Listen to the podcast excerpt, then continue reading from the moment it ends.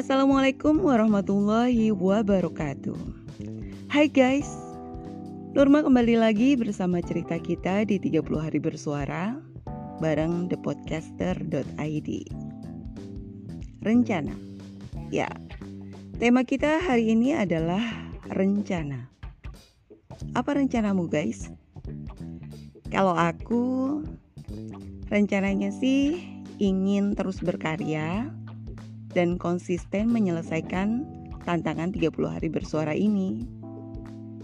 Setelah itu di bulan Januari nanti hmm, aku akan buat segmen NY News sebagai selingan dari motivasi ini. Bisa jadi NY News itu akan hadir setiap pagi.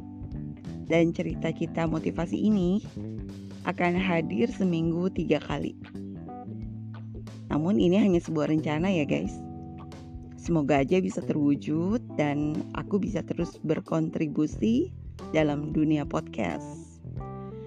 Harapannya aku bisa terus menebar manfaat buat orang banyak, menebarkan virus bahagia, dan semoga aja bisa menginspirasi. Itu harapanku. Dalam hidup, semua bisa terjadi. Terkadang, rencana yang sudah kita buat dengan baik tidak sesuai dalam pelaksanaannya, atau yang terjadi sekarang tidak sesuai dengan rencana yang kita buat dulu, dan kita hanya disuruh untuk bersabar. Mungkin aja rencana Tuhan itu lebih indah dari rencana kita. Kita hanya manusia dan tidak ada manusia yang sempurna.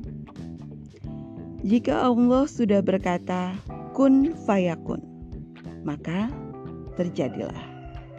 Apa pun yang akan terjadi sepanjang hari ini, yakinlah bahwa semua atas kehendak dan rencana Allah. Jalani hidup apa adanya, maksudnya jangan memaksa dan jangan terpaksa. Skenario Tuhan bukan untuk dibaca dan diterka-terka, tapi hanya untuk dimainkan oleh kita sebagai pemeran utamanya. Masalah memang tidak bisa diprediksi dan terkadang datang dalam berbagai macam bentuk yang membuat hidup kita semakin sulit. Nah, agar masalah kita cepat selesai, dan hidup tidak terbebani, baiknya kita selalu mencoba untuk terus berpikir positif.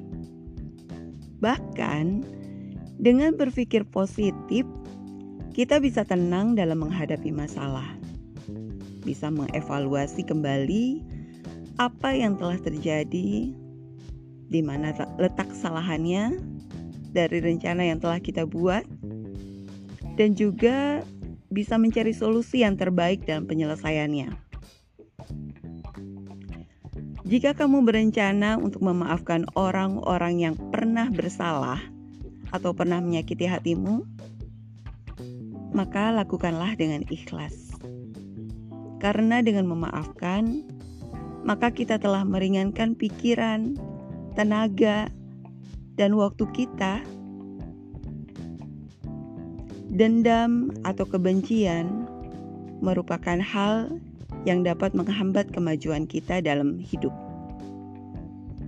Bisa menghambat rezeki, bahkan bisa menjadi penyakit dalam tubuh kita. Seperti kata Mahatma Gandhi, orang yang lemah tidak mampu memaafkan. Memaafkan adalah ciri orang yang kuat. Dan di sesi ini aku mohon maaf yang sebesar-besarnya kepada orang tua, saudaraku, kakak, adik, dan teman-teman semua. Aku pernah menyakiti orang-orang yang aku sayangi. Tanpa kusadari, ego yang tertanam dalam diri ini pernah menyakiti dan mengecewakan kamu. Kamu dan juga kamu. Norma mohon maaf dengan segala kerendahan hati.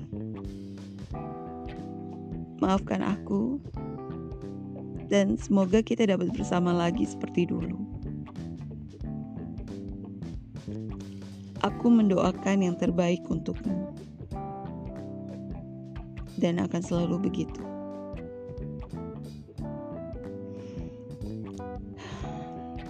Ingat ya guys, rencana Tuhan itu selalu yang terbaik. Apa pun yang terjadi di masa lalu, biarkan menjadi pelajaran yang berharga. Allah selalu memberikan senyum di balik kesedihan. Allah selalu memberikan harapan di balik keputusasaan. Kita boleh saja mempunyai sebuah rencana. Tetapi balik lagi, hanya Allah yang bisa menentukannya. Semua atas izin Allah. Terima kasih teman-teman. Support dari kamu semua begitu berarti. Ya, Norma akan kembali esok hari untuk menyapamu menyapa suara alam sebagai bentuk rasa syukur atas segala karunia yang Allah berikan dalam hidupku. Oke, Norma pamit ya. Besok kita akan ketemu lagi. Besok Norma akan bercerita lagi. Terima kasih untuk yang telah mendengarkan sampai dengan episode hari ini. Assalamualaikum warahmatullahi wabarakatuh. Bye bye.